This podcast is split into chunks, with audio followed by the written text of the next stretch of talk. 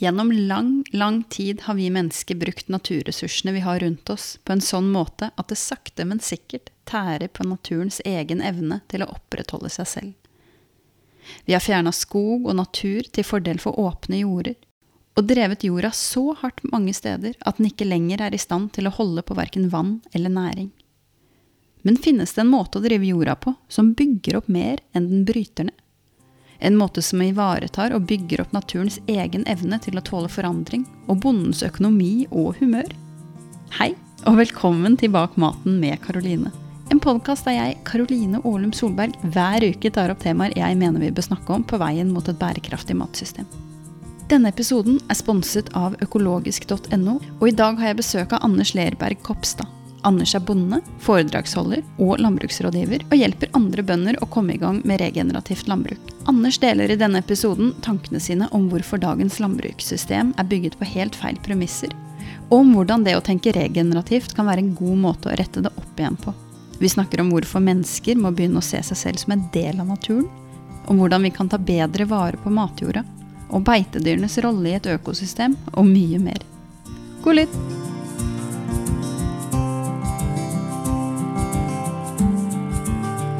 Hei, Anders. Velkommen.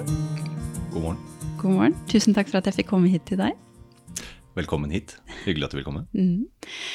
Jeg vet du driver med, med, regenerativt landbruk fordi du mener vanlig jordbruk ødelegger jorda. Og nå skal du få forklare selv om du mener jordkloden eller selve jordsmonnet.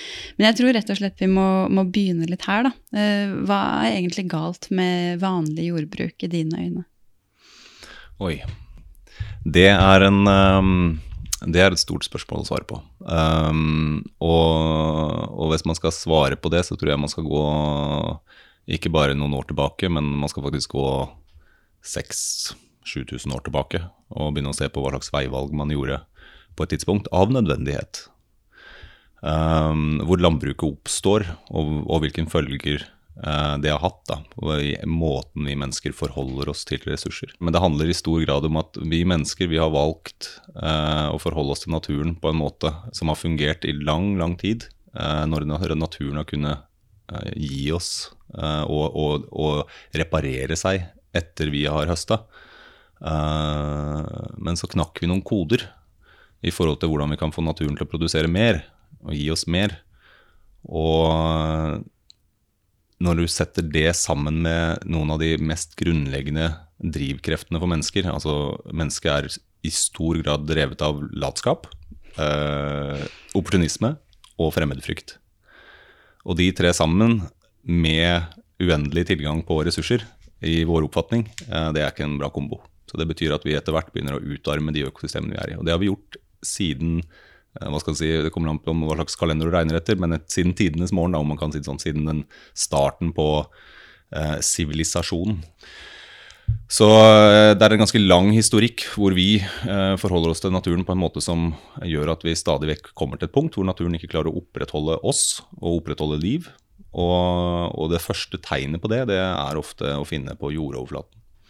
Så man sier gjerne at de sivilisasjonene som ikke klarer å ta vare på jorda si, de har ikke noe særlig gode prognoser. Jeg tror vi må komme tilbake igjen til det, for vi skal snakke mye om jord. Men uh, du sier at vi har uh, egentlig utnytta jorda uh, så lenge vi kan huske. Mm. Men det skjedde jo et skifte som intensiverte dette betydelig sånn, med den grønne revolusjonen. Da. Kan du ikke sette det litt i en kontekst? Ja, altså Den landbruks uh, første revolusjonen var jo at vi oppdaga landbruket. At vi gikk over fra å være nomadiske til å være uh, bofaste. Uh, så du, du, kan jo ikke fortsette som nomadisk gjetersamfunn når du begynner å dyrke korn. Så, eller du, du, det, det, blir krevende. så Der, der har du en urkonflikt da, mellom nomadiske samfunn og bofaste samfunn, som, som strekker seg helt inn i, i dagens Eh, konfliktverden. Og vi har jo da gjort det vi kan. altså Den første revolusjonen var jo jern, og at vi klarte å utvinne metall som gjorde at vi raskere kunne påvirke økosystemene rundt oss. Og så driver vi med det, eh, blir mer og mer effektive, men så skjer det noe i det øyeblikket vi treffer på olje. For da kommer vi på en ubegrensa energikilde. Og Den gjør at vi kan akselerere det arbeidet med å endre økosystemene til å produsere det som jeg liker å kalle lagringsstabil energi. For det som på en måte holdt oss tilbake lenge, var eh, at vi ikke hadde nok energi og brukte en del menneskekraft? da? Ja, vi brukte mye menneskekraft. Uh, hele landbruket er jo basert på veldig mye menneskekraft inn. Uh, så hele slave, uh, hva skal man si, slavesystemet er jo direkte avledning av, av landbrukssystemet. Da. så det handler jo om hvordan vi med, med lagringsstabil mat kunne amme Nei, At vi kunne avvenne barn mye tidligere, sånn at vi fikk flere barn per kull. mens et nomadisk samfunn de opprettholder amming og er da infertile i mye lengre tid. Uh, og da blir ikke befolkningsveksten det samme. Så når du begynner å akkumulere energi, uh, sånn som da um, korn f.eks. er, så kommer du i en situasjon hvor du da må begynne å beskytte det, og du utvikler militær og du utvikler en slavekultur. Uh, og det er mange mennesker. så der er på en måte sånn, det, det, systemet da, som vi fortsatt ser i dag utfolde seg overalt i verden, men, men med litt, annen, litt andre virkemidler men stort sett er den samme grunnstrukturen. Da. Så det er ganske dyptgående uh, greier, og vi, vi, vi, handler etter det samme. Og det er igjen det her med opportunisme og, og latskap og fremmedfrykt som, som, som, driver oss fremover. da.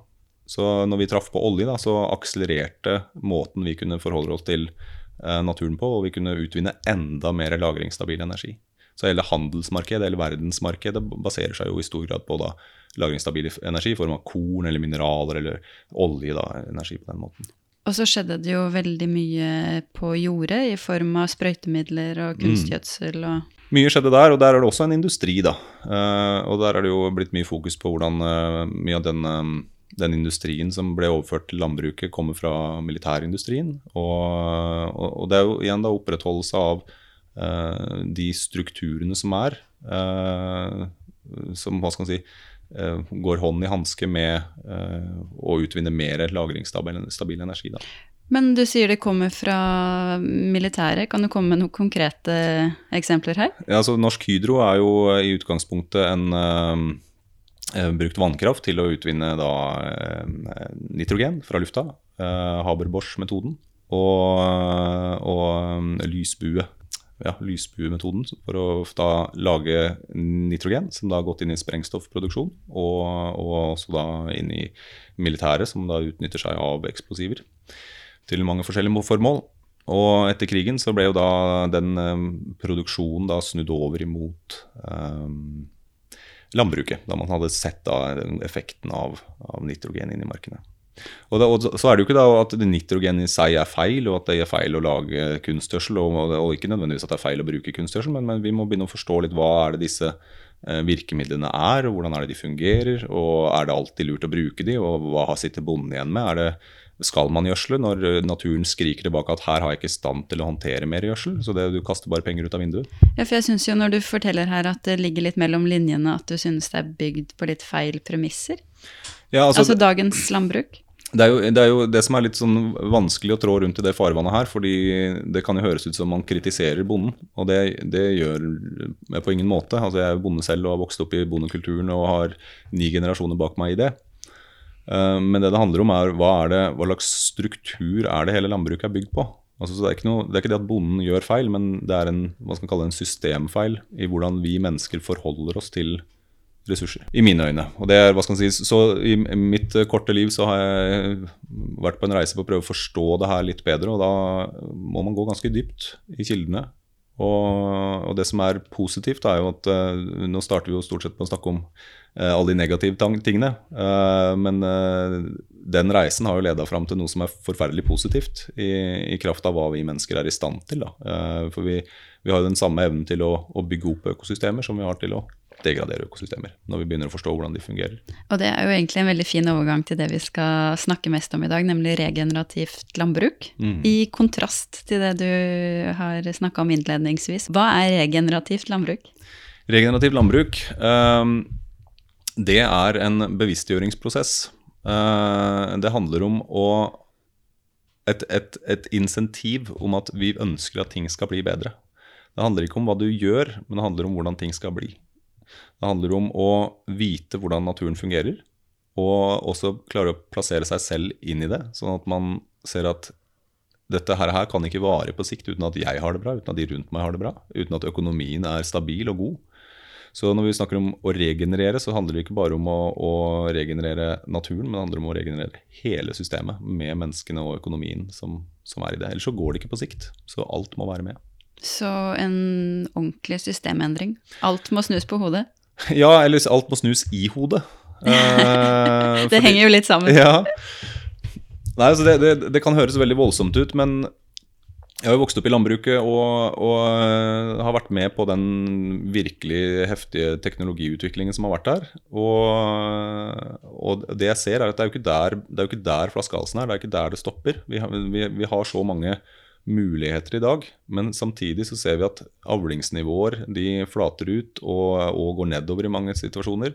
Økonomien går nedover. så da må man begynne å spørre, Og, og eh, hva skal man si, trivselen i landbruket. Hvor mange som ønsker å fortsette. Eh, tilveksten av nye bønder. Eh, alle de, de parameterne som skal på en måte sikre bærekraft i en næring, de lover ikke veldig bra. Så da må vi begynne å tenke er det noe annet, er det et annet sted vi kan gå inn i det her? I og med at vi har alle disse, vi har så mye penger og vi har så mye ressurser på alle mulige fronter. Er det noe annet som er med og spiller inn på hvordan, hvorfor dette her ikke går den veien det, vi har lyst til at det skal gå? Jeg pleier egentlig å avslutte hver episode med å spørre hvordan bærekraftig mat og landbruk, eller et bærekraftig matsystem, mm. Eh, ser ut. Men jeg tenker kanskje at vi, vi kan ta det allerede nå. Mm. Hvordan ser det ut for deg? Et bærekraftig landbruk, uh, det er et landbruk hvor folk uh, smiler og ler og lever godt sammen. Og at naturressursene gir mer og mer hvert år i form av å bygge opp økosystem helse. At vi har full kontroll på vannkretsløpet, altså at vi minimerer flom, vi mister ikke matjord, vi har bra artsmangfold. Um, vi produserer den maten som vi kan produsere innenfor de økoregionene vi bor. Uh, ja, det handler stort sett veldig mye om menneskene. Uh, og hvor, om de har det bra. For det er virkelig det, den pandemien som, som jeg syns er mest skremmende i dag, er hvordan folk mister tilknytningen både til hverandre og til det området de lever i. Jeg tror hele nøkkelen for å komme videre nå er å finne en måte hvor vi klarer å og, og bli, bli, mer bevisst da, i måten vi forholder oss både til oss selv og, og til de rundt oss, og hvordan vi ønsker da, og, at naturen og de ressursene vi har rundt oss, skal fungere. Hvordan har den bevisstgjøringa sett ut for deg? Ja, det har vært en uh, hard uh, prosess. Uh, jeg var jo født inn i, i landbruket for å ta over en, en større potetgård. og var jo innstilt på at det skulle være det som var min vei videre i livet. Uh, men så så jeg jo, og jeg kjente jo på kroppen alt som var feil. Til tross for at jeg hadde lært at det var riktig, så, så kjentes det feil. Konkret, hva da? Nei, både helsemessig er jo én ting. Hvordan vi jobba 17-timersdager med, med veldig hardt fysisk arbeid, og hvordan det forplanta seg inn i kroppen og gjorde at man ikke klarte å jobbe på den måten som man skal gjøre. For mye skader som kommer, kommer med. Eh, relasjon med de foreldrene mine og, og de jeg jobba med på gården der, som under et kontinuerlig press.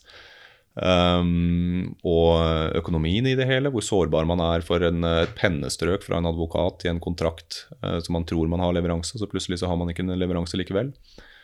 Så det er veldig mange ting da, som man eh, Selv om liksom rambruket er fortsatt inni hodet til veldig mange, dette, eh, dette Freia melkesjokoladebildet. Eh, da tenker du på kua på beite med fjell i bakgrunnen? Kua på beite med fjell i bakgrunnen, og alle står og smiler i hver sin bunad. Og, og, og det vil jo gjerne altså Det er jo et felles bilde som alle gjerne skulle stå i.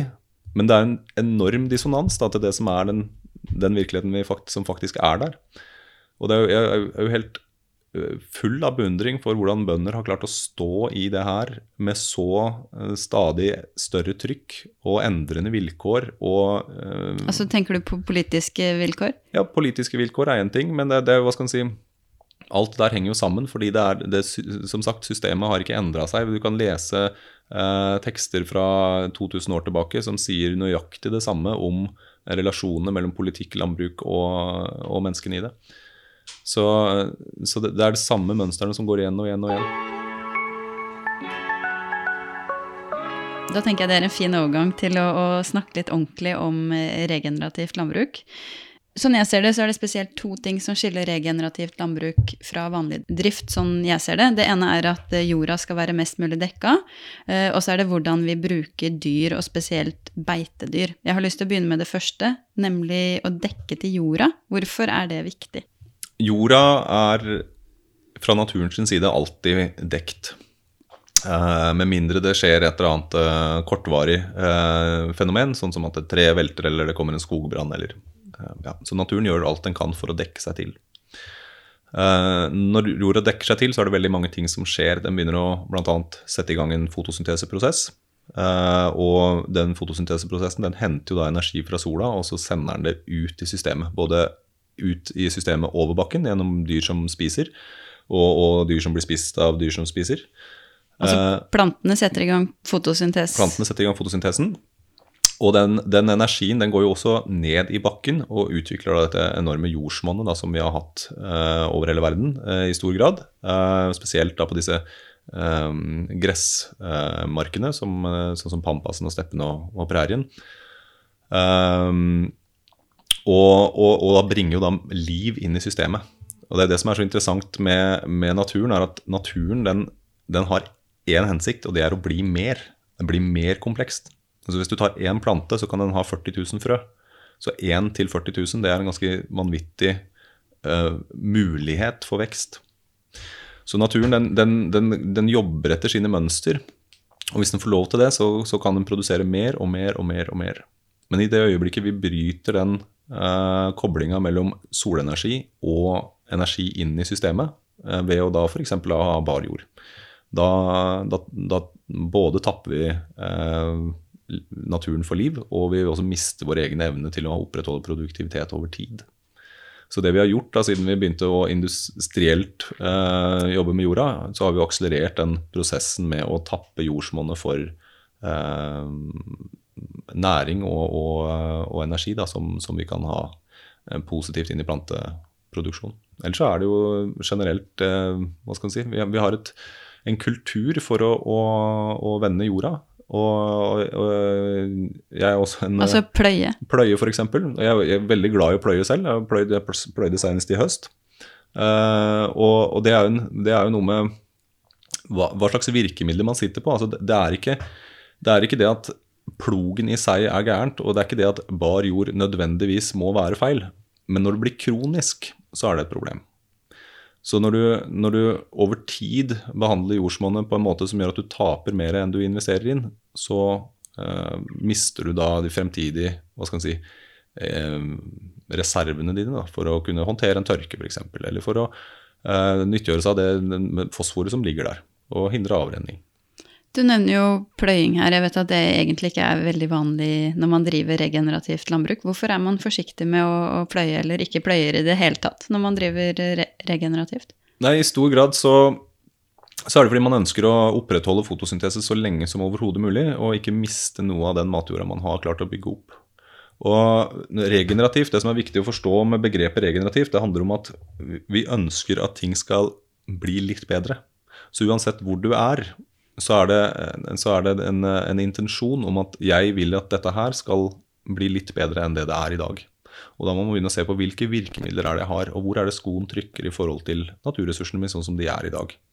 Og hvis jorda di da er sånn som den er her, da, etter mange år med potetproduksjon og, og ganske intensiv jordarbeiding og sprøyting og gjødsling, så, så, har vi har ikke lenger et, et jordsmonn som har eh, jordliv. Vi har eh, død mineraljord som er pakka um, på en måte som gjør at den kan minne mer om teglstein. Og Da må vi begynne å se hva kan vi gjøre for å gjenoppbygge den strukturen og det jordlivet som må til for at vi skal kunne opprettholde produksjonen her i fremtiden. Mine besteforeldre hadde jordliv, jeg har det ikke. Så det er én generasjon vi har brukt på å ødelegge det jordlivet. Så det, Dette er jo på en måte noe vi, vi, har, vi, har, vi har skjønt og hatt med oss lenge. Men så klarer vi ikke å stoppe det fordi hele systemet rundt er såpass avhengig av det. Så hvis vi klarer, da, som bønder, uansett hva man ønsker å kalle seg, om man ønsker å kalle seg konvensjonell eller økologisk, eller om, man er regenerativ bonde, eller hva slags navn man har lyst til å putte på det, det er ikke så interessant. Det som er interessant, er hvor er det vi skal, hvor er det vi vil, hva, og, og hvilke, hvilke, områder er det vi har igjen for å, å gå inn og løfte naturen i riktig retning. Hvor er det skoen trykker mest? Og det er ofte på jordoverflaten, å begynne å se på hvordan vi behandler jorda. Og det enkleste vi kan gjøre, er jo da å holde jorda dekt så lenge som mulig. Det er ikke snakk om at man skal slutte å pløye, men det er snakk om at man må prøve å finne måter hvor man kan holde jorda dekt, sånn at man opprettholder jordliv og, og energistrøm inn i systemet så, så, så langt gjennom sesongen som, som vi klarer. da. Jeg syns jo det er et paradoks i den tiden vi lever i nå, uh, hvor vi står ovenfor en klimakrise, at vi kutter ned verdens skoger og driver en, nei, matproduksjon på en måte som jorda ligger åpen, mm. um, og ikke egentlig forstår betydningen av planter i vekst. Da. Mm. Kan ikke du bare få oss til å forstå det her? Uh, planter i vekst, det du um der er vi tilbake til skolebenken og den lille fabrikken på dette bladet, eh, fotosyntesen, som sikkert de fleste har tegna i, i o-fag. Der har vi sett på da eh, plantebladene, altså den, den, grønne delen, den klorofyllfelte delen. Den er i stand da, til å høste energi fra sola, og med hjelp da av karbondioksid eh, og vann så kan den la lagre energi inn i planten og ned i, i røttene. Som, et, kommer, som, kommer, ut som et sukker, da, som et roteksudat, glomalin. Uh, og den, uh, den, prosessen med fotosyntesen den, den, er jo da umulig å få til. Altså Du kan ikke ha grønne planter uten at du har karbonlagring og vannlagring. Så de to tingene de henger sammen. Og hvis vi da begynner å se på hvor store deler av verdens landoverflate som er bar store deler av året. Man ser hvordan landbruket da eh, setter i gang på våren og, og, harver opp jorda og pløyer opp jorda. Og man frigjør da veldig mye nitrogenoksid og, og karbondioksid og eh, vanndamp og alle mulige andre metangasser og sånne ting opp i atmosfæren. Og når plantene da begynner å vokse, så suger jo det til seg igjen veldig mye av eh, karbonen og vanndampen og alle disse eh, gassene da, som er oppe i atmosfæren, som går inn i kretsløpet. Metan og sånne ting. Eh, hvis vi ikke klarer å ha en balanse på det som utåndes og det som innåndes, så blir det et overskudd. og Da bygger det seg opp med vanndamp og karbon opp i atmosfæren. Det, den, er det det som er eh, klimakrisa? Den, I mine øyne så er den største klimakrisa det er jo at vi ikke har økosystemer som klarer å regulere vannkretsløpet. Det er, det er, skikkelig krise. Og det er den vi merker hver dag når det blir uh, flom og tørke, og, som vi da har over verden uh, i større og større grad hvert eneste år nå. Uh, skogbranner. skogbranner handler jo om hvor flinke er vi til å, å få det lille vannkretsløpet til å fungere over store områder. Så hvis vi ønsker å få klimastabilisering, da, hvis man skal se på det, så handler det om hvordan hver eneste landforvalter, hver eneste lille bonde, klarer å få vannkretsløpet til å fungere best mulig. Du klarer ikke å få vannkretsløpet til å fungere uten at du har fotosyntesen i gang og karbonlagring i gang. Eh, så jo flinkere vi bønder blir til å forstå det mandatet vi har eh, til å regulere klimaet i stor skala, eh, så er det store muligheter, da. Og, og, og, setter man seg ned og ser på et, et, kart over verdens landoverflate, og man begynner å se på hvor mye som faktisk er barmark, så begynner det å bli eh, litt mer skremmende da, enn å begynne å tenke på eh, utslipp. Vi må selvfølgelig redusere utslipp, eh, som da bygger opp CO2-innholdet eh, altså CO2 i atmosfæren. Men, men hvis vi bare stenger av, så har vi fortsatt ikke gjort noe med vår egen evne til å regulere det i økosystemene vi lever i.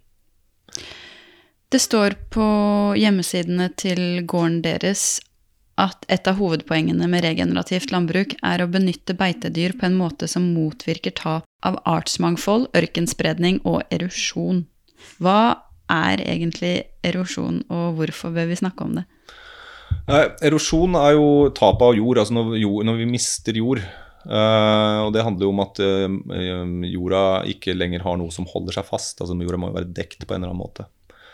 Og, og, og beitedyra har jo en, en, nøkkelplass i de fleste økosystemer. Spesielt i de eh, tørre økosystemene, altså hvor du har tørker i eh, store deler av året. Og i de kalde økosystemene, sånn som for oss her oppe i nord.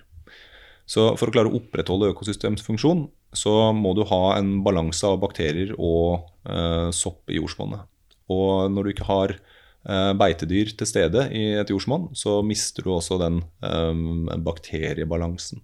Hvordan henger det her sammen?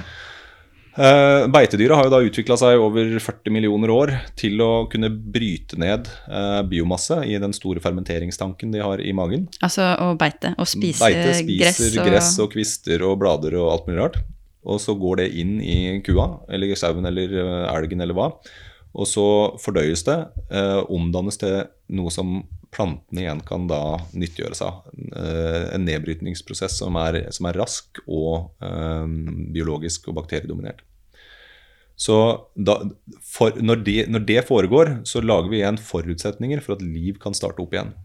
Hvis vi fjerner røvtyggeren fra økosystemet, så stopper den prosessen opp. Og så går man over til en suksesjon som går i retning av Suksesjon. Suksesjon, Det er hvordan naturen utvikler seg fra én fase til en annen fase.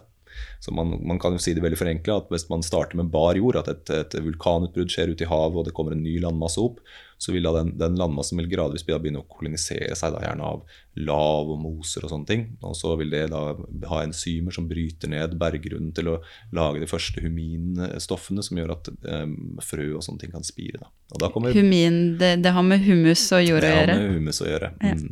Så da kommer det jo da inn uh, det som vi kjenner som ugress. Pionervekstene de trives jo da i bar jord. Så det de gjør, er å gjøre, uh, jobbe alt de kan for å dekke jorda så fort som mulig. Uh, og Dette er jo det området vi har valgt å legge landbruket da, f.eks. For vi forventer at vi skal bli kvitt ugressene, men naturen har jo da innstilt seg fra tidenes morgen på at den sender pionervekster for å dekke jorda når den er bar. Så Det er en kamp som man kun tjener på hvis man driver med innsatsfaktorer til ugressbekjempelse. Og Beitedyrene de er jo på en måte jokeren her, da, fordi de kan gå inn i alle disse økosystemfasene og akselerere prosesser. Så, men i det øyeblikket vi fjerner beitedyrene fra systemet, så eh, stopper det veldig mange prosesser opp. Og vi får eh, f.eks. sånn som gjengroing i fjellet. Det er jo én ting. Eh, og man tenker at det er jo bra, for da henter naturen seg inn. Ikke nødvendigvis, for mer trær eh, gir en mørkere overflate, som gjør en større oppvarming. Eh, så varme, mørke overflater tiltrekker seg mer varme fra sola. Eh, da øker du også fordampningen. I tillegg så har trær en større overflate enn f.eks. gressene. Da. Så du får en større fordampning fra de som vegetasjon også. Da kommer det mer vanndamp opp i atmosfæren. Og sånn som det er i dag, så er vanndamp en av de største klimagassene i forhold til oppvarming. Så hvis vi klarer da å få vanndampen ned i jorda igjen, så får vi heller en nedkjølende effekt. Så det er veldig viktig. Så hvis ikke vi har et bevisst forhold til hvordan vi kan bruke beitedyra effektivt som økosystemregulatorer, da har vi et problem. Et kjempeproblem. Og det, og det, handler ikke om hva vi skal spise, eller om vi skal ha kjøtt eller veganisme, eller hva enn det måtte være. Vi må bare totalt anerkjenne at beitedyr er en del av økosystemfunksjonen. Men det er jo sånn at det handler om, om, det akkurat nå. fordi vi lever jo i en tid med, hvor folk er veldig opptatt av klima, og kua har fått veldig mye av skylda for eh, klimaendringene. Da, og, og, vi får beskjed om å Eller veldig veldig mange sier at man bør kutte ut eh, rødt kjøtt. Da. Hvorfor har mm. kua fått den eh, Ja, fått skylda for alt det her? Altså, hvis man ser globalt eh, global kjøttproduksjon eh, under ett, så er ikke det en særlig hyggelig historie. Eh, og den har jeg ingen intensjon om å støtte heller. Kan ikke du gi oss et lite bilde av det først, og så kan vi gå over til Norge etterpå? Globalt sett så handler det veldig mye om om eh, dyr som er da fjerna fra økosystemene sine. Eh, enten i form av at man eh, har store staller med dyr som spiser importert fôr. Fôr som da gjerne kan komme fra nedhogging av regnskog, som det har vært mye fokus på. og så har du også et, en stor del av, av, kjøttet som kommer fra veldig eh, intensiv beitebruk, eh, som gjøres på en måte som degraderer økosystemene. Så et, en, en, et, beitedyr er ikke et beitedyr. Det kommer helt an på i hvor stor grad den har mulighet til å utfolde seg i, i takt med, med, de mønstrene som det har utvikla seg med fra naturens side. Så beitedyr er jo i alle disse, både i de kalde og de tørre områdene i verden, så er jo de eh, ikke-selvregulerende flokkdyr som da har utvikla seg under press fra rovdyr. Og Hva betyr ikke-selvregulerende? Det betyr at de formerer seg som bare rakkeren. Okay. Uh, så de har ikke noen egne mekanismer for å regulere populasjonen. Så det er andre ting som kommer inn da og, og regulerer det. Og det er bl.a. rovdyr som, som, går rundt og rydder opp. I Norge i fjellet der så har vi jo da hatt bjørn og ulv og, og jerv som har rydda opp i reinsdyrstammene. Og andre steder så har vi da løver og, og hyener og, diverse. Og det som skjer da, er at atferden til dyra den endrer seg når det er påtrykk fra rovdyr. Og det betyr at de øh, bruker beskyttelsesmønsteret sitt med å holde seg samla eh, for å beskytte de, de, de, unge, Og så må de jo da beite ganske intensivt og trampe ganske intensivt. Og så legger de også fra seg møkka på det gresset som er trampa og beita, så du får en, en veldig god stimuli av gresset, kortvarig. Men i og med at det er rovdyr der, så vil de jo gjerne bevege seg videre vekk fra det som er beita og skiti på. Og Det gjør da at gresset på den naturlige migrasjonsrunden til dyra får en lang hviletid før dyra da kommer tilbake og gir en sånn intensiv stimuli igjen. Og Når man ser på øh, de fleste naturlige prosesser, så, så handler det om å bygge, å bygge, styrke. Det handler ofte om da, intensiv stimuli etterfulgt av tilstrekkelig hvile. Så om jeg skal begynne å trene og bli, bli stor og sterk, så, så, handler det om intensiv stimuli av muskulaturen og, og tilstrekkelig hvile for at det skal restituere seg. Sånn er, sånn er, det i naturen i veldig mange prosesser. Og hvis vi klarer da å koble oss på det i, i forhold til beitedyra, så kan vi da bruke beitedyra på en litt, litt, bedre måte. Det er ikke tilfellet i dag. Så du har en, en, eh, et beiteregime rundt omkring i verden hvor du har ekstrem overbeiting. Eh, større og større grad av ørkenspredning. Eh, man har sikkert sett bilder fra Afghanistan for eksempel, med disse gjetergutterne som går rundt med en flokk med geiter som man kan jo ikke fatte hva det er de spiser. Men de spiser jo det som fins, og det blir det stadig mindre av. Så i det, i det, øyeblikket vi ikke klarer å regulere det, så, så, bryter beitedyrene ned økosystemhelsen og stopper da fotosyntesen, stopper vannkretsløpet, stopper artsmangfoldet, stopper suksesjon. Og da, da, blir det dårlig. Så det er på en måte den, den, det kjøttet vi spiser i verden i dag, har ikke en særlig god eh, påvirkning på økosystemene eh, når beitedyrene har en negativ eh, påvirkning. Da. Nei, for jeg vet du er veldig opptatt av at kjøttproduksjon i et sirkulært system overhodet ikke er det samme som eh, kjøttproduksjon i vet ikke hva jeg skal si. Ja, sikkert, hvis det er det det heter. Um, jeg skulle spørre hvordan er det forskjellig, men det var kanskje det du svarte på nå? Ja, det blir en forskjell mellom eh, et sirkulært og et lineært system. Og, og, det vil jo aldri hva skal, si, den, den, skal si, Hvis man skal være helt luditt og gå tilbake til naturens utgangspunkt, så, så, dør jo et dyr på plassen og blir spist av de dyrene som er der, og bein og alt går inn i dekomposteringsprosessen. Så, så det, er et, det er et stykke til vi er i en 100% sirkulær situasjon. Men det er ganske stort potensial på å eh, høste på en uh, mye mer effektiv måte da, enn det som er gjort i dag, som, som bygger opp økosystemene. Og Der er vi litt, litt tilbake til det der at naturen den kan bare bli mer, når vi ikke begynner å stelle oss i veien for naturen. Så når jeg reiser rundt, min, min jobb er jo å reise rundt og jobbe med bønder rundt omkring i, i hele Norden. Og det vi ser, er jo at folk er jo ikke i nærheten av å utnytte den kapasiteten som naturen har til produksjon. Og Det er ikke sjelden at vi kommer til at man kan doble antall dyr på en gård hvis man bare begynner å la naturen jobbe riktig, uten å begynne å tilføre andre innsatsfaktorer. Og når man har gjort det, så kan man jo begynne å tenke seg trenger jeg GPS-styring, eller trenger jeg mer kunstgjødsel, trenger jeg mer eh, sprøytemidler. Så, så, det er dumt å investere i de tingene før man har fått på plass alle disse andre tingene da, som allerede ligger der fra naturens side. Mm det jeg ser da fra mitt perspektiv, uh, hvis jeg bare tenker på hva ressursgrunnlaget vårt er, så ser jeg at vi er ikke i nærheten av å uh, utnytte det potensialet som ligger i norske ressurser. Uh, I forhold til utmarksbeite, i forhold til beitemarker, i forhold til jordbruksarealer. Så vi, vi har en, en utrolig mye større formåge, holdt jeg på å si, det er svensk. Um, altså uh, mulighet da, til, å, til å øke produktiviteten uten at vi må begynne å eh, øke innsatsfaktorene. Og Det er jo det som er hele clouet i landbruket. For at vi skal klare å ha et lønnsomt landbruk i årene som kommer, så handler det jo om å få ned kostnadene. Det er vanskelig å få opp prisene.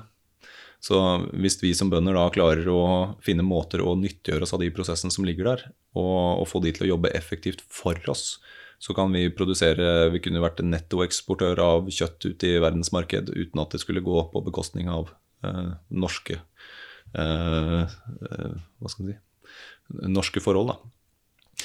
Så vi, i dag så har vi to millioner sau på beite, f.eks. Eh, de faste tallene fra eh, norsk beiteforskning sier at vi kunne hatt eh, dobbelt så mye som det på beite, kanskje tre ganger så mye. Så vi kunne hatt seks millioner sau på beite i forhold til det hva de utmarksressursene er i stand til. Når jeg er ute og ser på de utmarksressursene, så ser jeg det jeg kaller underpresterende økosystemer. Så de, de beiteressursene vi har i dag, de er kanskje på ja, 30 da, av hva de er i stand til å kunne yte, hvis vi begynner å gjøre ting litt mer ordentlig. Så det betyr at hvis vi da kan doble 6 millioner en gang til, da, til 12 millioner, da har vi ganske mye beitedyr. Men er det sånn i Norge at vi får spist alt den sauen, tror du? Nei, det tror jeg ikke. Uh, vi kan jo først begynne å fylle opp det vi, det vi selv skal spise. Og der her er det jo fryktelig sammensatt da, i forhold til hva forbrukermønster og hva vi legger opp til og hva vi har lagt opp til, og hvor lang tid det tar å endre vaner. og Vi er jo opportunister og late, og vi vil helst da spise indrefilet hver dag. Og, og kyllingfilet. Ja, og, og, og, men, men, hvis vi vil, hvis intensjonen er der, og det er det som er vanskelig for et land og for en organisasjon å endre seg, men som enkeltmennesker, som enkeltbonde, så kan man ta en del valg i forhold til hvordan man ønsker å utnytte ressursene sine. Så hvis veldig mange enkeltbønder etter hvert begynner å se at vet du hva, jeg, jeg har mer igjen for å investere i økosystemprosesser enn å investere i noe som ruster, så har man en ganske mm, gode for, for, utsikter da, for landbruket fremover. Um, jeg er jo i praksis vegetarianer selv, og er alltid veldig opptatt av å høre hva andre tenker om, uh, om hvordan vi skal spise kjøtt. Mm -hmm.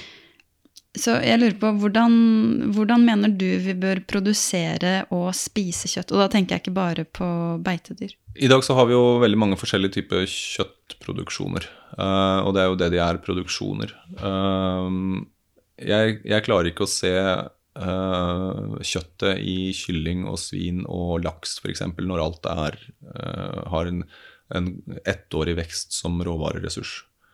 Uh, som f.eks.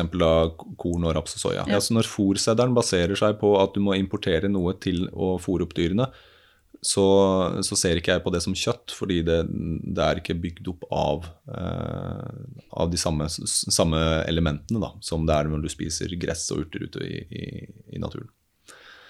Og Det endrer jo også hva slags type kjøtt det er, og smak på kjøtt og, og fettsyresammensetning og sånne ting. Så for meg så, så er eh, Hvis man skal spise kjøtt, så handler det om å spise kjøtt som er kjøtt, og ikke kjøtt som er korn når man begynner å se på de regionene i verden som har da, disse kuldeperiodene og tørkeperiodene, så er det jo en grunn til at vel store deler av dietten har eh, vært kjøttbasert og melkebasert. Fordi det er det som klarer å få oss gjennom de vanskelige tidene. Vi har jo drevet med grønnsaksproduksjon her i mange år på gården, og man ser jo hvor ufattelig sårbar man er hvis man har valgt feil sort for den sesongen. Da har du ingenting. Så det å klare å det å, det å, det å ha kjøtt som en del av hva skal si, et nasjonalt kosthold tror jeg er utrolig viktig i forhold til selvberging i vanskelige perioder. For om det blir fem grader, eller to grader kaldere eller to grader varmere, så fungerer kua. Og om det blir eh, litt våtere eller litt tørrere, så fungerer fortsatt kua. Så det er, det er den, den, buffermekanismen som man ikke lenger har når man har noe som sitter fast i bakken. Det får man ikke tatt med seg. Og I 2018 så jobba jeg med en del bønder i Sverige, eh, og, og hvordan vi la opp planlegging av beitemarkene deres for å klare å komme seg gjennom eh, tørkeperioden. Og ingen av de, spesielt fire bønder, som, eh, som var hardt ramma av tørka, trengte å kjøpe inn fôr det året. Mens de fleste bønder For det gjorde veldig mange andre? Det gjorde, Stort sett så kom fôret fra Estland i Sverige det året. Så bare ved å klare å uh, legge, om, eh, legge om hvordan man jobber med dyra, så, så, kan man da klare å håndtere eh, en sånn heftig tørkeperiode som det. Som man da er, er veldig mye mer sårbar med på, på ettårige vekster. da.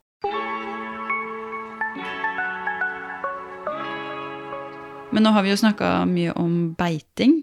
Hvordan, hvordan, ser det ut hvis man skal drive med, med korn og, og andre et, ettårige vekster eh, og skal drive regenerativt?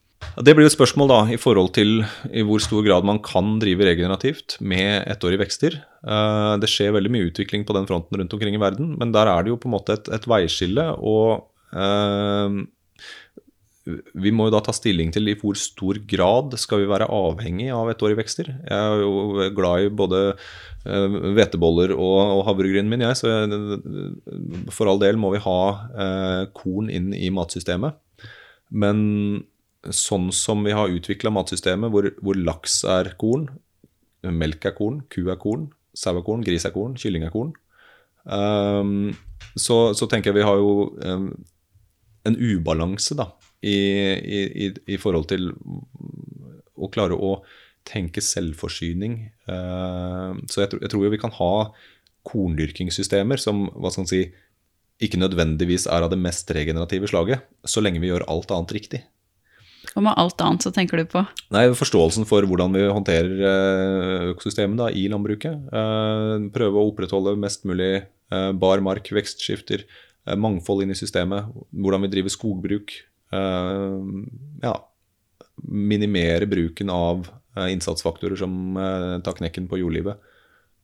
Så det, det er om å gjøre å finne en balanse på det, men det er et forferdelig stort uh, lerret å bleke. Og spesielt med tanke på, som uh, Nasim Taleb sier, uh, de tre mest avhengighetsskapende uh, um, faktorene i, i menneskelivet er karbohydrater, heroin og en månedslønning. Så vi er jo fryktelig avhengige av de karbohydratene inn i dietten vår. Det gir oss et skikkelig bra dopaminkick. Så um, jeg tror, tror, det er stort prosjekt å få endra på det. Men uh, det er jo ikke alltid vi mennesker har lagt opp til de tingene som er mest fornuftig. Det, det, kan hende veldig mange av de tingene vi driver med i dag, ikke er mulig å drive med på en god måte. Og da må man begynne å se på hva annet er det vi i hvert fall kan få ordna opp i, sånn at det ikke det gjør så stor skade i det totale systemet. For du tenker at alt ikke må endres på? Altså, det kommer vi ikke til å få til, men vi kan ta de lavthengende fruktene. da. Og de lavthengende fruktene er jo i et land som Norge, da, hvor det er 3 dyrka mark, er å begynne å, å skjøtte alt det vi har av utmark eh, på en best mulig måte. Få mest mulig fotosyntese inn, få mest mulig karbonlagring, mest mulig vannlagring, mest mulig artsmangfold. Og så får vi mishandle de der tre prosentene så mye vi vil. Matjorda. Og det er eh, selvfølgelig mange ting vi kan gjøre der. og det er, det er eh, for å, for å, gjøre det på en bedre måte. Men eh, åpen åkerkultur vil aldri bli en særlig positiv ting for jorda på sikt. Uh, og det er bare, bare, på noen få generasjoner så ser man jo forskjell på uh, hvor jordsmonnet, hvordan det tilstanden var. Altså, I dag så går bonden ut på, på, åkeren på våren, og så skal han vente til at jorda blir laglig. Det er jo et begrep innenfor landbruket. Hva betyr det? Det betyr at jorda smuldrer. At det skal være mulig å harve og pløye sånn at jorda blir lett å, å så i. Men det man, det man, ikke vet, eller man ikke tenker over, er at på det tidspunktet hvor dette begrepet laglig ble utvikla, så var det fortsatt mulig å ha laglig jord. For da var det fortsatt et visst innhold av organisk materiale i jorda. Men etter hvert som åra går, og som vannet skyller med seg, og vi eh, behandler jorda som, som, vi har gjort, da, så blir ikke, har ikke jorda forutsetninger for å være laglig lenger. Og da må vi ha litt større traktorer og litt uh, tøffere harver. og ja, så det, det, blir en sånn selvforsterkende negativ prosess. Det høres jo veldig dystopisk ut her, men eh, vi har en enorm evne nå til å, å, gjøre en forskjell på det. Vi kan eh, begynne å koble oss på de prosessene som ligger der, og, og, begynne å lære av naturen. Og begynne å skjønne at det er mikroorganismer i jorda og som vi er avhengig av for å bygge jordliv. At vi kan begynne å eh, så inn mer arter som har en helt annen rotutvikling. Dypere røtter, løsne jordstruktur. Um, ja, det er mange, mange, ting vi kan begynne å integrere da i drifta. Så selv om det ikke er optimalt, eh, så, så, er det det det er. Og tar vi det derfra og beveger oss i en, en god retning. Jeg opplever deg som egentlig mye mer pragmatisk enn meg, for jeg har liksom en sånn drømmeverden som jeg ønsker meg til, og så ser jeg veldig hardt ditover, da. Men det kan jo hende det er greit å, å være, litt, eh, ja, være litt pragmatisk, sånn som du er her, da. Og ikke skulle endre alt på en gang. Det er jo det som er skummelt. altså Jo mer man uh, setter seg inn i ting, så, så er det jo to, det to retninger. da, Enten så kan man finne en, en, trygghet og en ro og en glede i uansett hva som er rundt seg, eller så kan man gå til grunne. Uh, og, uh, og, jeg har jo da valgt å se disse tingene som, som de er. Uh, og mange ting får vi ikke gjort noe med. og den, den, den Utfordringen ligger jo ikke i hvordan naturen, eh, hvordan vi skal drive landbruk. Det, det er jo den enkle biten. Å prøve å, å mette verdens befolkning er jo ikke, det er ikke en utfordring. Utfordringen er å få folk til å tenke annerledes rundt hvordan de Hvorfor er det ikke en utfordring å mette verdens befolkning? Det er jo i utgangspunktet en, en, litt sånn rar problemstilling da vi produserer de kaloriene som skal produseres, men så er det et handelssystem og, og hva skal en si politikk, Et fordelingsproblem. Fordelingsproblem, ja. Mm. Og, og, og, igjen da, den der opportunismen som slår inn, eh, og kortsiktig tenkning. Vi er, vi er, ikke så gode til det der med ressursforvaltning. Og når vi da har et globalt marked, og, og maten skal sendes rundt omkring i verden, og noen bønder i visse land eh, produserer roser og sulter fordi de ikke tjener penger på å få solgt dem, for det skjedde et eller annet med avlinga, så, så, så, blir det skeivheter. Så det å, det å gjøre folk i stand til å fatte beslutninger selv innenfor de regionene de forvalter, og, og, da drifte de landområdene de har kontroll på, på en måte som bygger opp økosystemene. Det er på en måte uh, nøkkelen. Da. da jeg kom hit i dag, så tenkte jeg egentlig at vi skulle snakke mer om sånn konkrete ting på jordet, men for deg så, så høres det ut som regenerativt landbruk egentlig handler om, ja, sånn som du sa innledningsvis, da, at det er bevissthet og et mindset. Ja, det er jo det. Og det, det som er interessant òg, som er veldig, veldig, gøy, da, er at alle vil det samme. Alle har lyst til å ha det litt bedre. Alle har lyst til å uh, ha gode relasjoner. Uh, har lyst til å være våkne uthvilt om morgenen og glede seg til å gå ut og jobbe. Uh, har lyst til å se det løpe et rådyr over tunet. har lyst til å ha fisk i elva si lyst til at det skal bygge seg opp, at barna skal kunne leke rundt ute og være trygge og kunne spise trygg mat. Det er ganske universelt. Og så kommer det til det punktet hvor vi skal begynne å fatte beslutninger. Og så har vi mennesker da en, en liten glipp i det å håndtere mange variabler. Og da ender det opp med at vi tar beslutninger som ikke klarer å ta med seg eh, nok faktorer da, til at vi kan bygge gode løsninger på sikt. Så Det er jo den, den, bevisstgjøringsprosessen som må til. da, At vi mennesker klarer å se det som vi liker å kalle helhetlig på det. Og, og, og, og ikke ta beslutninger som er kortvarige, men som kan stå seg og bygge resiliens, som, det så fint heter, inn i, inn i livene våre. Vil du forklare hva resiliens er?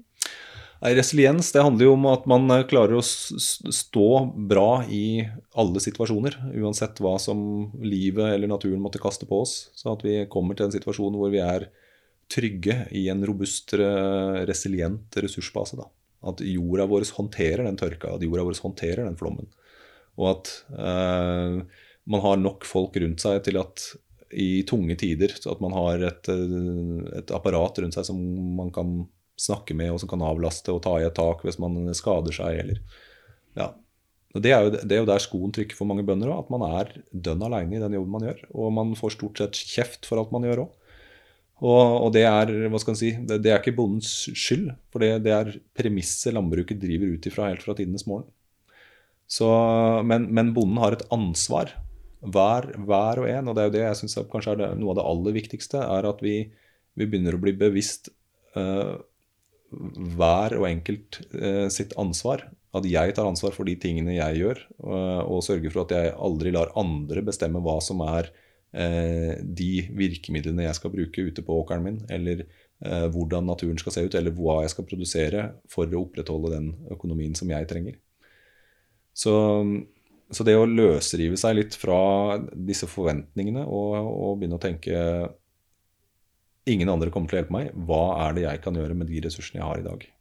Og hvordan vil jeg at ting skal bli i fremtiden? Jeg syns jo det er veldig, veldig viktig det du sier nå. Mye og, noe jeg tenker veldig mye på selv. Og sånn når jeg skal på en måte forholde meg personlig til mine egne problemer, så er det jo lett å tenke sånn at dette her har jeg egentlig med meg fordi det har vært sånn siden tidenes morgen, som du sier, da. Um, og så kommer det jo til et punkt hvor man, hvor man må ta ansvar. Men jeg, det er en vanskelig balanse, akkurat det der. Mm. Og, og, noe som på en måte uh, er relevant både på et personlig plan og et større system, da, hvis man snakker om landbruket. Ja, det, og, og, og, vi er i ferd med å bevege oss inn i det også. For hvis man, si, det, det, det, foregår en bevisstgjøring. Så hvis man klarer nå å opprettholde den positive drivkraften i at alle sammen står i dette sammen, eh, så kan veldig mye skje. Eh, med en gang vi faller tilbake til skyttergravskriger og begynner å kritisere konvensjonelt mot økologisk eller eh, vegan mot kjøtt eller hva enn det måtte være, da kommer vi ingen vei. Da stopper det opp. Så det å, å begynne å se på ja, hva, hva, er det vi vil, da?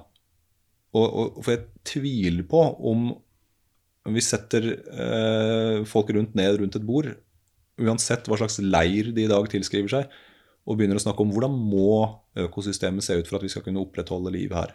hvordan må de relasjonene oss imellom være for at vi skal kunne ha det godt her? sånn? Hva, hvordan, hvordan, må jeg oppføre meg for at, for at, jeg skal kunne ha støtte fra naboen min den dagen huset mitt brenner? Så, så tror jeg det ganske, kan være ganske mye lettere å finne felles grunn da, og, og begynne å ta handlinger derifra enn at vi skal sette det ene alternativet opp imot det andre. For det, så enkelt er det ikke. Det er flere faktorer som spiller inn i disse komplekse systemene som vi, vi lever og virker i. Mm. Vi er nødt til å, å, begynne å gå inn for landing, eh, Anders. Um, nå handler jo denne podkasten om temaer som jeg mener vi bør snakke om på veien mot et bærekraftig matsystem. For å oppsummere litt, hvilken rolle tenker du regenerativt landbruk har her?